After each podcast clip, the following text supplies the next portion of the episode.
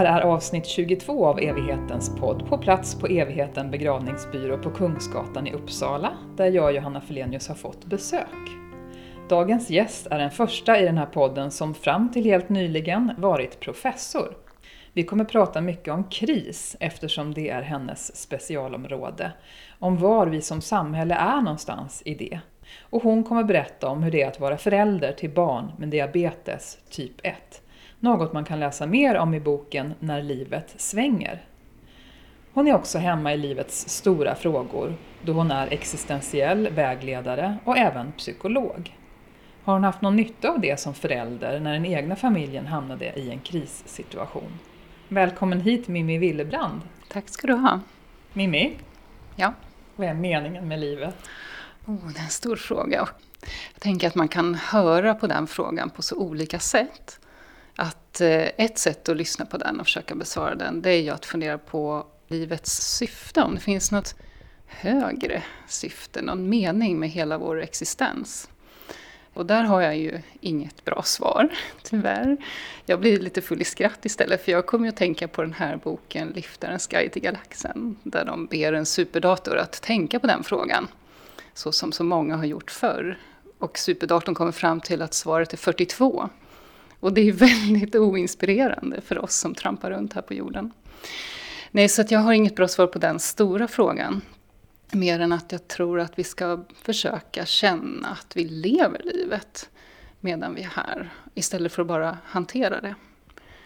Men sen kan man ju tänka att man kan lyssna på den frågan på ett lite mer personligt plan och fundera på vad som är meningen i livet. Eller vad som är ja, men meningsfullt och meningsskapande.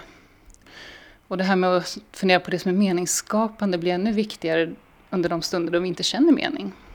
Att, eh, vad kan jag fylla den här tiden med som ger mig någon slags positiv känsla eller varm känsla eller meningsfull känsla.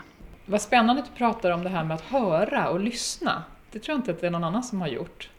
Nej, det kanske är lite typiskt för mig att vara en person som lyssnar mycket. Och jag tänker att när du ställde frågan så var det just att jag satt här och hörde den. Men jag lyssnade på den på lite olika sätt. Vad är meningsskapande för dig? För mig är meningsskapande när jag eh, får vara. Får vara till exempel i relation med mina barn, med min familj. När vi gör saker tillsammans som blir eh, familjebyggande. Jag känner att vi har en gemenskap. Men det är också att få vara kreativ. Skapande upplevelser är väldigt eh, meningsfulla. När man har de här stunderna av flöde där man känner att man har lite grann glömt vad klockan är. Eh, man har jobbat på med någonting, man kanske har glömt att stoppa i sig någonting att äta och sådär för att man har varit så upptagen i den här processen. Att då har man sannolikt haft en kreativ stund. Du pratade om det här med meningslöshet, alltså eh, perioder perioder då vi inte känner någon mening. Jag tänker på dig som psykolog, liksom, vad kan poängen vara med att våga känna meningslöshet och inte bara fly från den känslan? Ja, dels är det väldigt svårt att fly från känslor. Vilket gör att om vi gör det, för det gör vi allihop ibland, så kanske det håller en liten stund. Att vi kan ägna oss åt någon distraktion. I värsta fall gör vi någonting som inte är så bra för oss själva. Och det är olika former av undvikande då av den här känslan. Så att den tenderar ju att komma tillbaka till oss. Och då är det ju lite enklare för oss att försöka se den och vara i den och i den mån det går att uthärda den en stund. Som psykolog tycker jag att jag ser det om vi gör det till exempel i sällskap i ett samtal så blir det lite lättare än om man gör det alldeles alena. Och då är det något lättare sen att försöka börja ta ut en riktning igen. Att vi kan behöva bottna i det där svåra först innan vi försöker knata vidare. För annars? Annars är det lätt att vi kanske går in i någon typ av undvikande eller någon distraktion. Och det där händer oss allihop. Det är inte så att, att jag som psykolog sitter och har den perfekta lösningen utan jag går också iväg i distraktioner ibland och kommer på sen att men det här kanske inte var det viktigaste för mig just nu. Jag får gå tillbaka och liksom landa i det tillstånd där jag är. Nu när vi träffas så är det våren 2021 och vi har levt med pandemin i mer än ett år. Om hela samhället skulle personifieras i en enda människa, vad skulle du säga att vi är då om vi ser till en kris olika faser? Det är en jätterolig fråga, för det är ju svårt att tänka sig. Jag ska göra mitt bästa. Först så är det ju så att kriser, där beskriver vi ju enligt olika teorier att en kris kan ha olika sorters stadier eller faser. Men egentligen i verkligheten så går vi ju mellan olika typer av reaktioner och upplevelser. Jag skulle bara säga det först, att det är inte så att allting går kronologiskt från A till Ö. Men jag tänker mig att vi har levt i det här väldigt länge nu. Det är en utdragen historia och där vi har fått göra många anpassningar. Och att många är ganska trötta på det här just nu och att ehm, det blir en slags utnötning av våra resurser att hantera och stå ut. Så om man tar till exempel teoretikern Elisabeth Kübler-Ross som har skrivit om krisens olika stadier. Hon hade ett stadium efter förnekelse, vrede och köpslående som hon kallade för depression. Och det var inte en klinisk depression utan man menade då en slags utmattning och nedstämdhet. Eh, en slags hopplöshet och kanske att en del av oss i alla fall i den här människokroppen just nu är där. Att vi vill se ett slut på det här nu. Medan andra kanske som drabbas mer direkt ekonomiskt eller av själva sjukdomen förstås är i mer akuta stressreaktioner. Men jag tror att just tiden här, att det är så utdraget, har gjort att vi är nog lite mer i en utmattad fas. Eh, och vi vill se ljuset i tunneln. Och vad behöver vi där i hopplösheten och ovissheten? Ja, men vi behöver se framstegen som ändå görs. För det går ju framåt och nu pratar vi om vaccin eh, varje dag. Och olika sorters vaccin och hur vi ska kunna eh, gå vidare sen. Eh, jag tror att vi behöver kanske hjälpas åt att lyfta fram det positiva. Också att vi uthärdar en liten stund till i det här. Och vi behöver förmodligen sällskap i det. Att, att, inte, att man inte blir sittande själv med sina funderingar. För att? Ja, man kan ju bli lite fast i sina egna tankar. Och när vi delar dem så känns det oftast lite lättare. Även om den andra personen inte kan göra något konkret så känns det oftast bättre när vi delar någonting. Och då orkar vi lite mer. När vi kan börja bete oss normalt igen, hur lång tid tror du det kommer ta att vi gör det? Att vi till exempel kramas när vi ses utan att tänka efter? Jag tror att det där kommer variera väldigt beroende på vilka vi är. Att det finns individuella skillnader. Men jag tror att det kommer ta tid innan vi slutar tänka på det. Även om vi ganska snabbt ändrar tillbaka vårt beteende. Jag vet bara att man sitter nu och tänker när man ser tv-serier som var inspelade för länge sedan att Åh, vad nära de sitter varandra. Det väcker ett slags obehag inom oss. Så det kommer ta tid, mm. kanske månader, år. Lite olika. Tror du att vi kommer behöva gå eh, söka kontaktkurser för att vi har glömt bort hur man gör? Nej, det tror jag faktiskt inte. Utan då tror jag det handlar mer om att man kanske bar med sig en sån svårighet redan innan och att den har blivit mer befäst och kanske har tagit över ännu mer i livet. Du är även existentiell vägledare och vi har haft med en kollega till dig tidigare i podden, nämligen Anja Saletti. Och hon är även forskare kring mat och äldre, så lyssna på vårt samtal om du som lyssnar nu blir nyfiken på det här.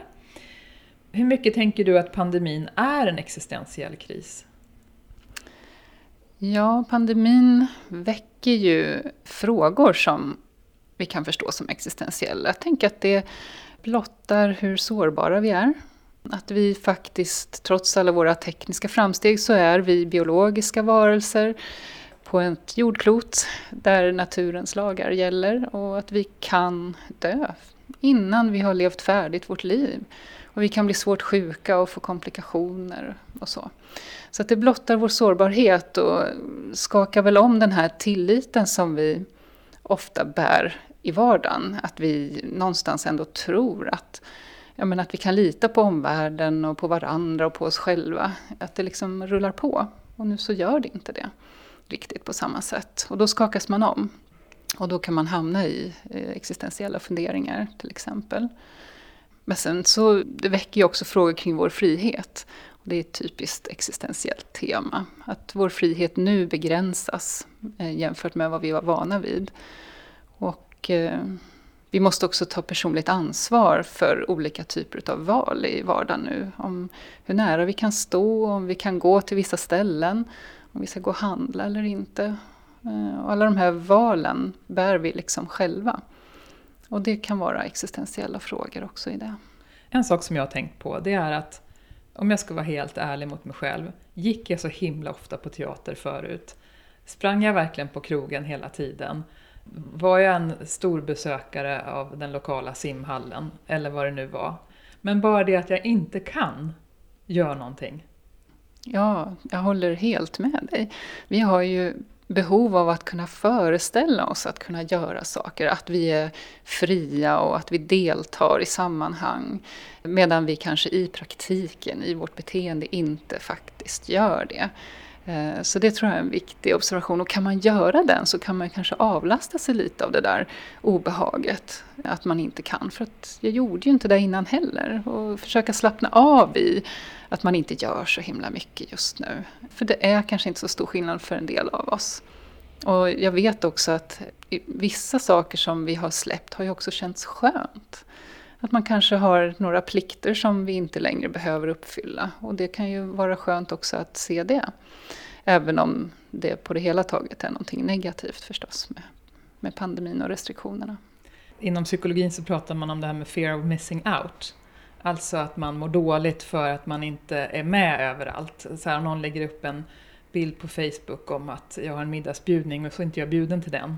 Eller att, att man vill vara med överallt hela tiden. Och nu pågår det ju nästan ingenting någonstans. Man missar inte så mycket. Det tror jag kan göra att också för unga personer att få slappna av och landa lite i vardagen. Att livet pågår liksom här, nu, nära mig och inte på de här medierna eller i de där festerna som inte blir av. Utan man får också skapa sin vardag lite mer och leva där. Vad tänker du att vi kan på ett existentiellt plan lära oss av den här pandemin? Eh, som vi inte har valt själva att hamna i. Nej, vi väljer inte våra kriser. Det är ju viktigt. Där hade vi inget val. Utan de blir vi inkastade i. Jag hoppas kanske snarare än jag vet någonting om detta, men jag hoppas att vi lär oss eh, vikten av de nära relationerna. Att vårda dem. Vikten av mötena. För att jag tror, även om mycket går att göra digitalt, att vissa möten blir bättre när vi ses. När vi kan läsa av kroppsspråket, eh, när vi kan kanske kramas då som vi var inne på tidigare, eller bara lägga en hand på axeln. Den typen av eh, samvaro är viktig. Men vi kan också lära oss att vi kan lösa saker på distans. Att vi inte måste resa jorden runt för att ha olika jobbmöten till exempel. Och istället kanske lägga mer tid i den vardag som vi har hemma vid. Du är psykolog. Hur kommer det sig att det blev så? Ja, det är länge sedan jag gjorde det valet. Men jag var väldigt intresserad av människor och framförallt människors berättelser. Jag ville på något sätt jobba med människor. Eh, jag tyckte också om att pussla ihop och förstå sammanhang. Så jag tror att det var det. Möta människor, lyssna och förstå. Men att du skulle bli akademiker överhuvudtaget, hur givet var det? Det var verkligen inte givet, utan jag fick en fråga om jag ville fortsätta på den banan efter att ha skrivit avslutande uppsatsen och komma tillbaka och bli doktorand i ett projekt. Då sa jag ja, på den vägen var det. Och hur känns det valet nu då? Det var ett bra val. Det var helt rätt. Och det är ju inte på något sätt ett smalt yrke utan det kan man forma väldigt mycket sen utifrån vad man känner för eller hur man utvecklas över tid. Och hur samhället utvecklas, vad det behövs för tjänster. Du har till helt nyligen haft en professur inom medicinsk psykologi och har forskat kring psykiskt och fysiskt trauma och beroende. Det låter ju väldigt tungt det här. Är mm. det det och hur orkar du i sånt fall? Ja, det kan låta tungt och det kan också vara tungt ibland. Det ska man ju inte sticka under stol med. Samtidigt som ja, jag jobbade 16 år inom brännskadevården och eh, gjorde eh, en del forskning där och uppföljningar. Och det man kan säga då det är ju också att samtidigt som det är väldigt svårt och tungt för de som drabbas så ser vi också stora framsteg. Att det går att läka svåra kroppsliga skador och att det går att komma tillbaka för många också eh, psykiskt och socialt. Eh, men naturligtvis blir ju ingenting som det var förr. Det är ju en förändrad situation helt och hållet. Jag tror att det jag har eh, tagit med mig under de här åren det är ju att vi människor klarar ganska svåra påfrestningar. Åtminstone om vi har stöd i processen, om vi behöver det. Eh, och många tycker jag, som jag har mött i kroppssjukvården men också i psykiatrin, har ju fint stöd i ja, arbetsgivare eller familj. Så finns det de som inte har det och där kan ju vården behöva kliva fram och kanske kliva fram mer än, än vi har haft möjlighet att göra hittills idag. Vad är skälet till att det inte blir så? Det beror lite på vilken sorts vård man pratar om men vård är ofta uppdelad i sektioner och det är lätt att den här kontinuiteten som är viktig, att den tappas bort. Du har jobbat 16 år för människor med brännskador. På vad sätt kunde du hjälpa dem? Jag tänker att den som är väldigt svårt skadad och kommer till sjukhuset här i Uppsala, som det var då, behöver ju stöd på många sätt. Först och främst måste kroppen läka och de måste få all hjälp till det. Och det får man också. Eh, ett stort team som jobbar kring det här. Så har man också närstående som ibland följer med och ibland inte. Och som psykolog så kunde jag ju ibland kanske snarare stötta närstående i det tidiga skedet. Och det är ju egentligen att lyssna, att finnas där. Och eh, ta emot reaktioner som kommer och bara vara i det. Eh, och hjälpa till att hitta den egna drivkraften igen, att orka vara med eh, sin närstående då som är skadad. Och i förlängningen när personen som själv är skadad vaknar till, att kunna lyssna in eh, hur det är, hur det känns. Eh, kunna bara ta emot berättelsen eh, och vara i det eh, och stötta. Kroppens behov av läkning kommer först och så kan vi bara visa att vi finns där. Och när personen känner sig redo, ja men då kan vi plocka på andra saker som till exempel psykosocialt stöd och bearbetning. Och det kan dröja i vissa fall ganska länge. Vi pratar om psykiskt och fysiskt trauma. Vad är ett trauma? Ja, ursprungligen så betyder ordet trauma sår. Det är en skada på vår kropp. Eh, sen har det kommit att användas mer för psykiska trauman, att vi också kan ha inre sår. De är ju då dessvärre inte synliga för ögat och kan ta sig olika uttryck beroende på vilka vi är. Men ett psykiskt trauma då, det är ju där en person har varit med om en händelse som blev övermäktig, som hänger kvar, där man inte känner att man kan gå vidare. Det kan bero på att man inte hade resurser att hantera händelsen, att man inte fick stöd. Eller att händelsen i sig var så kraftfull eh, och så avvikande och hemsk att eh, den övergår liksom vad en människa kan tänkas klara av.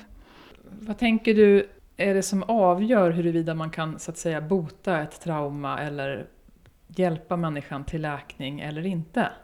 Och det beror ju lite på vad vi menar med bota och läkning. Vi kommer ju inte glömma det som har hänt. Men om vi tänker oss bot och läkning som att man kan ta fram händelsen i minnet och tänka på den eller prata om den utan att det sätter igång en stark stressreaktion till exempel. Att man klarar av att, att att eh, någon ställer frågor om den och att man kan svara lugnt och ändå man kan bli berörd fortfarande men inte känna att det tar över helt. Då är det fullt möjligt och det vi kan göra är ju att, att hjälpas åt att utforska vad som hände. Att vara i de känslorna och också lära oss se att vi har klarat av den, att vi har kommit igenom den. Att vi står här och går och lever och, och har ett liv här och nu också. Så att få lite olika perspektiv mm. på händelsen. Och, och få hjälp att se saker i backspegeln? Ja, precis. Vad tänker du om det faktum att psykologin är en ung vetenskap och att det går mycket trender i det här? Att huruvida man ska framkalla minnen igen och om det är farligt eller önskvärt eller om det hjälper till läkning eller inte. Att, att, ja, att det går så mycket trender i vad som vi tror är bra för oss. Jag tänker att det är naturligt när det just är ett ungt ämne att eh, vi mm, söker efter olika, vad är den bästa lösningen? Och eh, kanske finns det någon sanning i det ändå att, att eh, vi är olika som människor. Att man inte kan hitta en eller ett sätt som blir det bästa för alla. Men generellt så tror jag ändå att vi vågar säga nu att Eh, det är bra att kunna ta fram minnen tillsammans med en erfaren terapeut till exempel. Att, att kunna utforska och närma sig ett minne. Att det i sig inte är något negativt för oss.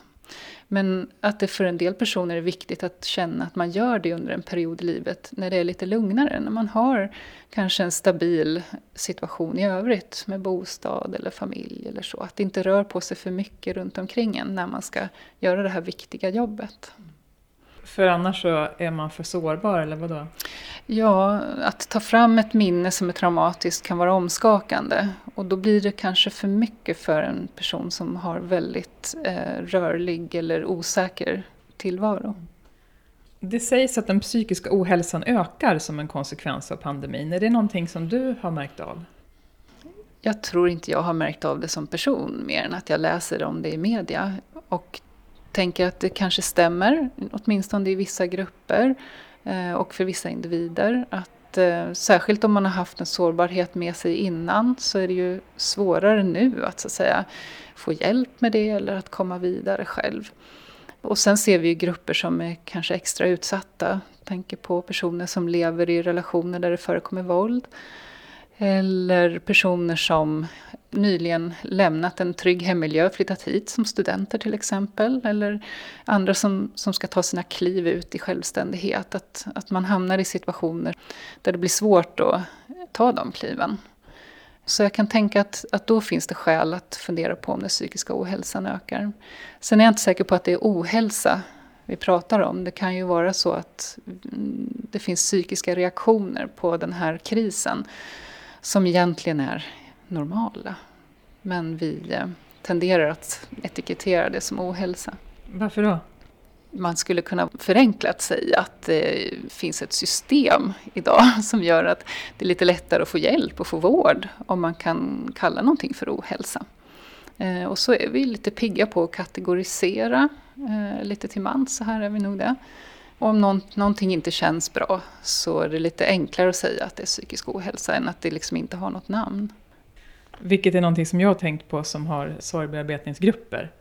Mm. Alltså just med människor som drabbas av förluster och sorger. Det har tendens att kallas för någonting annat. Utmattningsdepression eller mm. vad det nu är.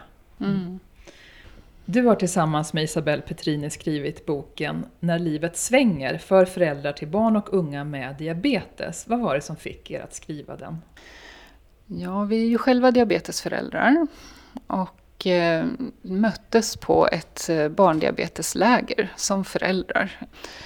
Och eh, kom och pratade om det, att vi båda var psykologer och att när vi drabbades så kunde vi inte hitta någon sån litteratur och vi kunde fortfarande inte hitta någon sån litteratur som var riktad till oss föräldrar. Det finns bra böcker för de som drabbas själva, men väldigt lite kring närstående situationen. Mm, så det var startskottet. Mm. Det här handlar om diabetes typ 1 som är en autoimmun sjukdom som man får leva med från den dag den debuterar oavsett livsstil så att säga. Och den innebär att kroppens immunförsvar attackerar sina egna celler vid tillverkningen av insulin.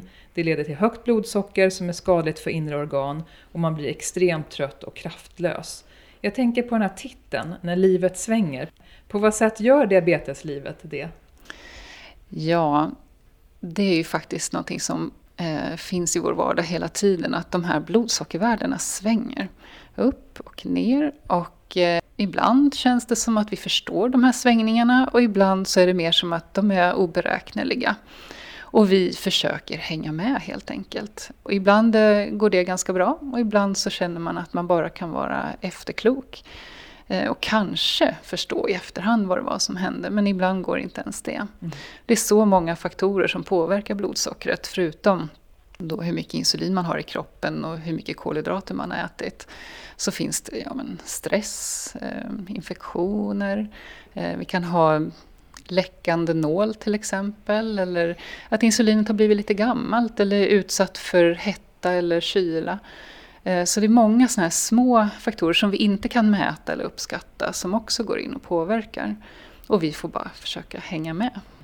Men vad är det värsta som kan hända en person med diabetes typ 1 om den får för höga värden och inte får behandling? Om man får för höga värden eller för låga värden så avlider man. Så att det är ju en livshotande sjukdom. För höga värden leder ju också till komplikationer på sikt för de inre organen. Och har man levt under några år med väldigt höga värden eller inte lyckas få ner dem så i tid så påverkas ögonen och hjärtat, kärlen. Så att det vill vi ju undvika till varje pris för våra barn förstås. Mm. Och har man för låga värden så blir man ju omtöcknad, man kan inte tänka, eh, man kan gå in i medvetslöshet och koma. Jag tror inte folk riktigt förstår att den är livshotande alla gånger. Det behöver vi kanske fortsätta att informera om. Men vi är på väg mot en mer informerad allmänhet, det tycker jag. Den här boken, När livet svänger, kom ut för några månader sedan. Vad har ni fått för respons på den hittills? Hittills har vi fått väldigt positiv respons, att det känns som en bok som behövdes. Och eh, att man har känt igen sig, föräldrar som, som har liknande situation har känt igen sig och fått också med sig lite av de tips som vi och andra föräldrar som vi har intervjuat i boken då har gett. Så det känns ju väldigt bra. Du och din man har tre barn, varav två med diabetes. Hur såg vardagen ut när, när ni fick veta eller förstod att ni hade ett barn med diabetes typ 1? Ja, det här var ju 2012 och eh, vi hade då tre barn eh, och den äldsta var nio år, den yngsta var ett år och vi hade ett mellanbarn på sex år. Och det här var påsken faktiskt. Och så att eh, våra barn satt och åt godis när jag ringde till 1177 för att ställa frågan vad vi ska göra. Och så här i efterhand så kan vi ju se att han inte vägde så mycket, att han var ganska smal. Men det var ju ingenting som vi riktigt hade uppfattat som något eh, bekymmer. Vi kan också se på foton när vi tittar bakåt att han kan se lite glåmig ut. Så. Men vi hade inte heller riktigt förstått det.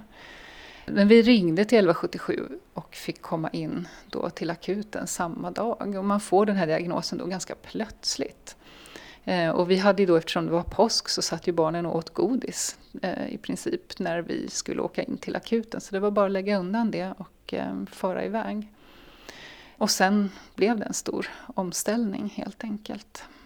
Okej, ni åker in där och fick veta ganska snabbt. Vadå, hur snabbt då? Ja, det räcker egentligen att ta ett blodprov, ett stick i fingret. Och då får ju läkaren en första indikation på att det är diabetes. Att eh, blodsockret var väldigt högt. Sen tar man om det värdet och verifierar och kollar att det verkligen är rätt. Då. Och eh, eftersom vi hade tre barn så var det en av oss som var inne på sjukhuset och den andra var hemma. Jag var den som var hemma. Så sen fick vi då åka in och eh, försöka förstå det här tillsammans allihop där då. Och hur var det när krisen kom till den egna familjen? Det var en period som jag måste säga att jag känner igen mig i det att en del av mig ville inte ta in att det här var en kronisk sjukdom, att det var diabetes. Medan den andra delen naturligtvis förstod att det här är diabetes och nu måste vi ändra på det här och det här. Så att jag kan känna igen mig i det, att man liksom är som, man jobbar på parallella spår. Och sen hade vi tre barn, det var viktigt att hålla ihop för deras skull och man, man tuffar på liksom. Och så var det korta stunder liksom däremellan där man kunde ta ut sin egen reaktion lite grann. Mm. Men det finns inte så mycket utrymme till det när man drabbas av en akut situation om man har tre barn att ta hand om. Mm. Så att jag har också lärt mig mycket kring det, hur man kan eh, behöva skjuta upp reaktioner under en tid. Det är viktigt också för föräldern att, att få göra det men att, det kanske, att man får höra att det finns möjlighet att bearbeta eller få stöd någonstans. Mm. Så det var ju ja, lärorikt kan jag ju säga så här i efterhand men just där och då är man bara förälder. Du pratar om omställning. Kan du ge exempel på hur vardagen efter det här såg annorlunda ut och alltid kommer göra?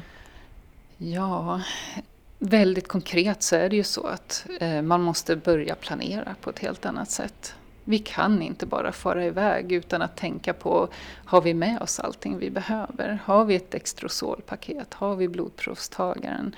Eh, man kan inte sätta fram ett kexpaket och säga vi tar lite mellanmål, bara lite enkelt så här. Utan man måste tänka. Det måste finnas saker i skafferiet och kylskåpet. Och nu levde vi ganska strukturerat ändå, men alltså, det blir mer viktigt. Man behöver också tänka lite på andra rutiner. Att man behöver leva lite mer strukturerat generellt med sömn och rörelse och, och sådana saker. Mm. Och successivt har vi bytt ut livsmedel också då vartefter vi har lärt oss vad som fungerar bättre och sämre. Mm. Ni skriver så här i boken. Diabetes finns hos oss dygnet runt och i alla situationer. Ibland beskrivs det som en extra familjemedlem, en bebis som inte växer upp, som kräver nattvak och tillsyn, som överraskar och inte låter sig bli kontrollerad. Hur skulle du säga att det har påverkat dig att leva med det här ständiga hotet på något sätt? Ja, framförallt så är det väl kanske bristen på sammanhängande nattsömn som påverkar. Att eh, ha blivit en lite tröttare person. Och ehm, det här hotet är ju någonting som upplevdes starkare de första åren. Blodsockret svänger också väldigt kraftigt just under första året. Och sen blir det kanske något mindre akuta svängningar. Men det är ju inte så att det stabiliserar sig, som kanske många tror. Så visst, vi lever med det i bakhuvudet. Att eh, saker kan hända, saker kan gå fel. Det är väl någonting som man om och om igen får försöka hitta acceptans för. Att vi behöver ha en viss vaksamhet. Men vi kan inte vara i den anspända vaksamheten hela tiden. Så att hitta ett sätt att liksom spänna av mm. däremellan, det är viktigt. Vad har varit tuffast för dig? I perioder tror jag definitivt att det är just eh, uppbruten nattsömn som är det tuffaste. För att det påverkar så mycket annat i livet ens tålamod och ens eh, kraft att kanske fungera på arbetet eller att bara känna sig som sig själv. Utöver det så tror jag för min del att det är de här existentiella funderingarna. Att det här är en sjukdom som bara pågår, som inte finns någon bot för. Och att det finns vissa saker som mina barn kanske inte, att det inte blir så lätt för dem på samma sätt. De kan inte vara helt fria i sina val till exempel. Ni har vittnesmål med i boken från andra föräldrar och ni berättar att oro är väldigt vanligt bland föräldrar till barn som fått diagnosen diabetes. Hur tänker du att man kan göra för att den här oron, du pratade tidigare om anspänning, ständig mm. anspänning, för att inte det ska ta över? Ja, jag tänker att man behöver börja titta på om man har oro för det första och eh, hur den tar sig uttryck.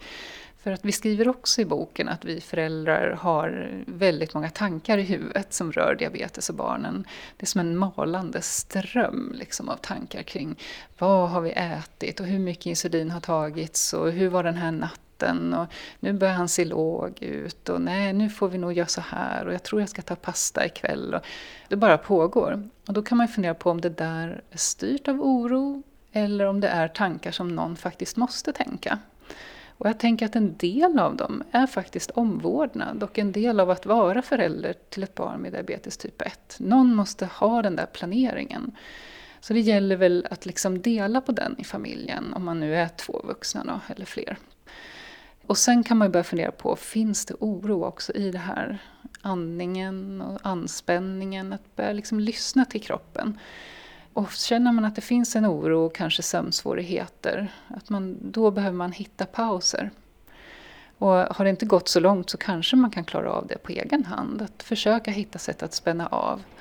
Och sen finns det också naturligtvis ibland behov av att gå iväg och få hjälp. Och jag kan tycka att det har varit hjälpsamt ibland att ja, men, gå iväg på en kurs till exempel i yoga eller någonting där någon talar om för mig att jag ska slappna av, då gör jag det. Men att det har varit svårt i vissa perioder att klara av det själv hemma vid. Vad har funkat för dig för att få paus? Ja, ibland så har jag tyckt att det har varit bra just att gå iväg och eh, till exempel ta del av ett yogapass där någon talar om för mig att slappna av. Och ibland tycker jag att det har fungerat på egen hand. Jag tycker mycket om naturen, naturupplevelser är väldigt lugnande. Men också att göra saker ihop med min familj som är roliga eller som vi trivs med. Det kan vara väldigt enkla saker som att vi bara tar fram en kortlek och spelar kort tillsammans. Så att hitta sätt att öka på det här positiva i livet och det som skapar sammanhang och gemenskap. Eh, det har varit bra för min del. Ni vittnar om tapperhetsfällan. Vad är det för någonting? Tapperhet är ju ett ord som kanske mest känns positivt först när man tänker på det. Att vi är tappra när vi uthärdar någonting, när vi klarar av någonting svårt. Och det har vi ju ingenting emot. Men eh, ibland kan vi se att det kanske finns en tillkämpad tapperhet. Att vi eh, vill komma till det där tappra och accepterande tillståndet utan att gå ner och känna på ledsenheten, sorgen och vara i den lite först. Och då kan den där tapperheten bli som en fälla, att vi blir lite krampaktigt tappra. Att det här vänjer man sig vid och det ska gå bra. Och ibland är det ju vi själva som hamnar där. För att vi vill inte riktigt kännas vid det här sorgsna. Och ibland kan vi känna att det kanske är omgivningen som vill att vi ska vara tappra. För att kanske den personen inte riktigt orkar med att se hur sorgligt det är. Och att vara med oss i sorgen. Mm. Så vi vill väl öppna upp för att man funderar på, har jag riktigt tagit in hur jag känner kring det här? Och det kanske man har gjort och då är det ju lugnt. Men kanske finns det ledsenhet och sorg kvar att bearbeta. Men det låter som på dig också att det inte är något konstigt att man kanske inte gör det första året eller första åren efter att ens barn har fått diagnosen typ 1-diabetes. För då har man fullt upp bara med omställningen och att liksom överleva, mm. ta varje dag för dag. Att mm. det är sen det kan finnas liksom plats för det. Ja, det är väldigt individuellt. Ehm, men jag vet utifrån de intervjuer vi har gjort att det är bra att inte vänta för länge. Det eh, finns flera föräldrar vi intervjuade som berättade just att de i föräldraparet växeldrog så att den ena passade på att krisa ganska omedelbart och den andra höll ut och var stark. Och alldeles för länge så att sen till slut så blev det väldigt svårt för den personen och då var det ju ingen som förstod när den andra personen krisade då efter ett eller två år. Vad är det som händer nu? Nu har vi fått ordning på rutinerna. Så att det kan vara bra dels att vara medveten om att, att det är så här det kan bli ibland. Eh, men att kanske inte gå och vänta för länge med att prata om det. Ni skriver om skillnaden mellan mäns och kvinnors sätt att hantera sina barns diabetes. Vad kan du säga om det? Ja, Inför arbetet med den här boken så tog vi fram de kvalitativa studier som finns på området. Som har gjort intervjuer med eh, mammor och pappor då, som man kallade det för. Det de här studierna visar att mammor i högre grad kände skuld och hade svårt att släppa sin känsla av ansvar för sockervärdena till exempel. Och för hur det gick för familjen, hur det gick för barnet. Och att det var som en ständig eh, plåga så här, inombords. Medan eh, mammorna framförallt då upplevde att papporna kunde släppa det på ett annat sätt. Att de inte kände sig personligt ansvariga på samma sätt. Att det var en position som man skulle vilja uppnå själv, att, att kunna släppa. Men sen finns det också studier som visar på hur pappor känner ansvar. Och så så att det, bilden är inte så entydig. Men det vi ser är ju också att i till exempel sjukskrivningsstatistiken att fler mammor än pappor är sjukskrivna för det som i studien i alla fall kallas för utbrändhet eller utmattning. Så det verkar ju som på gruppnivå att mammor av någon anledning drar ett större lass på något sätt. Mentalt kanske praktiskt, jag vet inte. Men... Och, och på vad sätt är det viktigt att få syn på det? Jag tänker att vi behöver kanske få hjälp tidigare att se vad det är som behöver göras, vem som gör det, så att vi delar på det tydligare. Och att vi inte bara tänker på läkarbesöken, att hämta recept eller hämta på apoteket och det här praktiska, utan att vi också tänker på det mentala. Mm. Den här malande strömmen av tankar, att, att vi delar lite på det ansvaret. Kan man inte också få hjälp i en parrelation av att den ena är mera ockuperad, bekymrad. Alltså att den personen kan få hjälp att släppa lite. Ja men titta mm. hur hen gör. Mm. Jag skulle behöva mer av det. Så kan det vara. Samtidigt så kan det vara så här då att om någon nu måste planera så måste den här arbetsuppgiften som utförs upp på bordet så att den andra tar över. Och där kanske den andra behöver vara mer proaktiv och kliva fram och säga nu kan jag ta det här. Det var faktiskt någonting som föräldrar sa som vi intervjuade inför boken. där man hade lyckats kommunicera kring det här växeldragandet. Att nu ser jag att hon börjar bli trött. Nu går jag in och tar det här. Mm. Så det förekommer och det är någonting vi verkligen skulle vilja uppmuntra. Att man behöver kommunicera. För man kan inte bara försöka bli som den andra om det nu är så att saker måste utföras. Så det är bra att kommunicera kring någon slags rollfördelning? Ja. Ni berättar om par som går isär i och med att deras barn blir sjuka för att de inte fixar att ge relationen näring. Du är fortfarande tillsammans med barnets far. Vad tror du är hjälpsamt för att få parrelationen att hålla? Mm. Egentligen tror jag inte att det skiljer sig för oss som har barn med diabetes eh, jämfört med andra föräldrapar i svåra situationer. Och det föräldrar berättade för oss när vi intervjuade, det var ju att diabetesen i sig inte var orsaken till separationen, men att det blev som en extra sak. Och särskilt sömnbristen mm. som gör att vi får kortare med tålamod, vi orkar inte på samma sätt. Så det är väl eh, någonting som både vi och de föräldrar vi intervjuade skulle vilja skicka med. Att försöka dela på det här med nattsömnen och nattarbetet. Att båda måste försöka få någon form av återhämtning. Och att dela på ansvar och plikter i det här. Och prata om våra reaktioner också på sjukdomen. Har det på något sätt hjälpt dig att du är psykolog och van att jobba med människor i kris? Det har det säkert. Jag tänker att alla våra livserfarenheter hjälper oss i sådana här stunder. Och det där är ju en väldigt specifik erfarenhet då. Jag tror att det jag har tagit med mig från den erfarenheten är väl att, att ha lite perspektiv. Vi är inte unika som drabbas av en sjukdom i familjen, av någonting svårt. Utan det händer andra människor hela tiden. Och på olika sätt så lyckas vi oftast gå vidare och gå framåt helt enkelt. Så att någon form av eh, perspektiv på det hela tror jag att jag har fått med mig och att vi klarar ganska mycket, vi människor. Men betyder det att du aldrig haft någon period av stackars mig, stackars oss, det här är orättvist?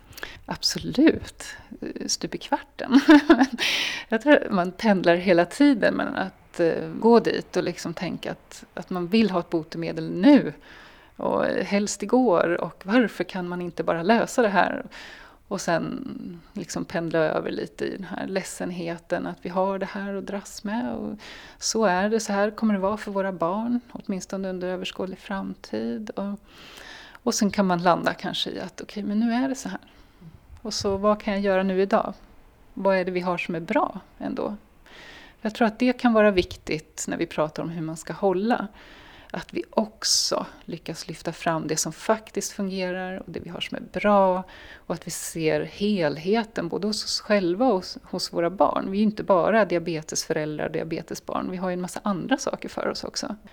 Ni pratar om acceptans, vad innebär det för dig? Men det är nog just det där att, att eh, i den där pendlingen mellan olika reaktionsmönster, att ändå någonstans landa, stanna upp och landa och säga att nu är det bara så här. Hitta lite lugn i stormen och kunna kanske sen därifrån ta ut en riktning. Vad är viktigt just nu? Att korta tidsperspektivet och inte tänka så mycket så här, hur ska det bli om 20 år? Hur ska det bli sen? Hur ska det bli när den tar studenten? Hur, hur ska det bli när den blir sambo? Hur ska det bli... Mm. Ja ja, och jag är där också ibland, självklart. Eh, vi människor har ju den förmågan att tänka oss framtiden. Och ehm, då kan vi börja oroa oss. Ibland är det av goda skäl. Vissa saker kanske vi kan grundlägga redan nu om vi vågar tänka hur ska det bli när hen flyttar hemifrån. Att vi faktiskt blir måna om att försöka lära våra barn hur de ska hantera diabetes som bästa sätt. Och så. Och så finns det en annan del av det där som kanske mer är orosskapande. Saker som vi inte kan förbereda eller lösa idag. Eh, och där kan vi behöva också acceptera det. Okej, okay, jag, är, jag är också bara människa. Så ibland oroar jag mig för framtiden. Och det är inte farligt. Men nu har jag gjort det en liten stund så nu kanske jag kan ta en paus. I boken citerar ni början av sinnesrobönen som lyder så här. Ge mig sinnesro att acceptera det jag inte kan förändra, mod att förändra det jag kan och förstånd att inse skillnaden. Vad läser du in i det här? Ja, men jag läser nog in lite av det som vi just talade om, att försöka sortera. Att nu har jag en svårighet här som upprör mig. Är det något jag kan lösa? Eh, ja, men då ska jag ju göra det, självklart. Men är det något jag inte kan lösa, att mitt barn har diabetes, eh, och att det är det som egentligen stör mig, att jag kan inte hitta ett botemedel för det här, jag kan inte lösa grundproblemet. Då kommer jag gå och bära den där oron eh, och obehaget. Men om problemet är att hitta en bättre nivå på blodsockret, ja men det kanske jag kan lösa. Så att liksom hitta lite, vad är det för problem jag egentligen jobbar mot just nu? Sortera i det. Mm. Och sen försöka hitta acceptans då i de stunder där jag upptäcker att oj, jag försöker nog lösa det här olösliga problemet. Vi hamnar där ibland, fast vi vet bättre. Jag tänker på det här med humorn och behovet av att få skratta mitt i allt. En förälder berättar så här. Jag var på ett köpcentrum med min tonårsson och tyckte att han var väldigt vresig till humöret. Eftersom han ätit pannkakor så undrade jag om humöret berodde på högt blodsocker. Utan att tänka på att vi befann oss bland oskyldiga lördagsshoppare utbrister jag högljutt. Är du hög? Gissa om folk vände sig om. Mm. Vad tänker du att det kan betyda att få skratta? Ja, jättemycket. Jag tänker just att att skratta tillsammans också kring det där. Att vi har förståelse för det här ordet hög som inte de andra har. Att det är någonting vi delar. Så att det är en gemenskap och sen blir det ju en fantastisk avspänning av att få skratta. Och se det absurda i en svår situation. Vad tycker du att du har för strategier nu för tiden för att mäkta med ditt föräldraskap? Mm. Jag tänker att vi försöker hitta en balans där jag ser till barnens behov men också nu får in lite mer av det jag själv kan behöva i form av återhämtning eller fysisk aktivitet. Att själv hitta stunder där jag kan slappna av eller eh, ja, ta in någonting nytt till exempel. Sen tror jag att beroende på hur jobbigt det är just i stunden, att man kan behöva minska på kraven. Eh, det kan ju vara olika krav vi har på hur städat vi ska ha eller hur mycket aktiviteter man ska ha. Hur ofta man ska höra av sig till släktingar eller kanske även att vi behöver diskutera med arbetsgivare om kraven där.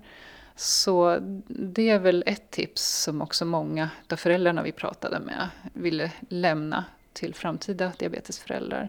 Att se om det går att dra ner på antalet aktiviteter och, och mängden krav. Finns det något positivt som diabeteslivet har fört med sig? Jo, men det finns ju det också. Och eh, till exempel så tror jag att vi är mer med varandra eh, än vi hade varit annars. Vi har ju som föräldrar fått följa med på alla barnkalas och övernattningar och klassresor och allt möjligt sånt. Så vi, vi har varit mycket tillsammans. Jag tror att det har bidragit till en fin familjekänsla Sen är det ju så att när man har en ganska strukturerad vardag, då blir det ganska lätt fest också. För att det behövs inte så mycket för att vi ska uppleva att wow, nu har vi förgyllt vår vardag.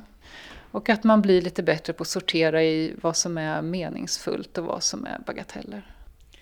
Du är egenföretagare nu, hur kommer det sig? Att bli egenföretagare var ett val jag gjorde nu ganska nyligen. För att det kändes viktigt att få utveckla vissa delar av min profession och att få komma till min rätt på olika sätt. Ehm, som inte riktigt var möjligt i den tjänst som jag hade. Det kändes viktigt att inte vänta för länge. Att ibland behöver man göra det där valet och prova helt enkelt. Om du får fritt regissera, så vad har du för bild av hur det här egenföretagarlivet, vad ska du göra? Jag kommer ge mig härnåt rollen som psykolog ta emot för enskilda samtal. Jag kommer också kanske fortsätta lite i eh, det här med föräldraskap vid diabetes. Eh, se om, om det vi har lärt oss på det här kan vara ett stöd för andra. Men framförallt så tänker jag att framtiden inte är så himla utstakad. Och det känns skönt. När du själv inte vandrar kvar här på jorden längre, hur vill du bli ihågkommen? Ja, jag hoppas ju att jag kan komma och bli ihågkommen som en person som var hyfsat genuin och närvarande och eh, välvillig. Allting som vi gör kanske inte landar precis som vi har tänkt oss men att man kan i efterhand åtminstone se att hon ville väl. kanske en snäll person, tänker jag. Men varför ska du bara nöja dig med hyfsat genuin, närvarande, välvillig och snäll? och jag tänker att vi kan inte vara helt genuina och helt närvarande jämt. Men i tillräcklig grad, det är väl det jag hoppas på. Att det ska skina igenom.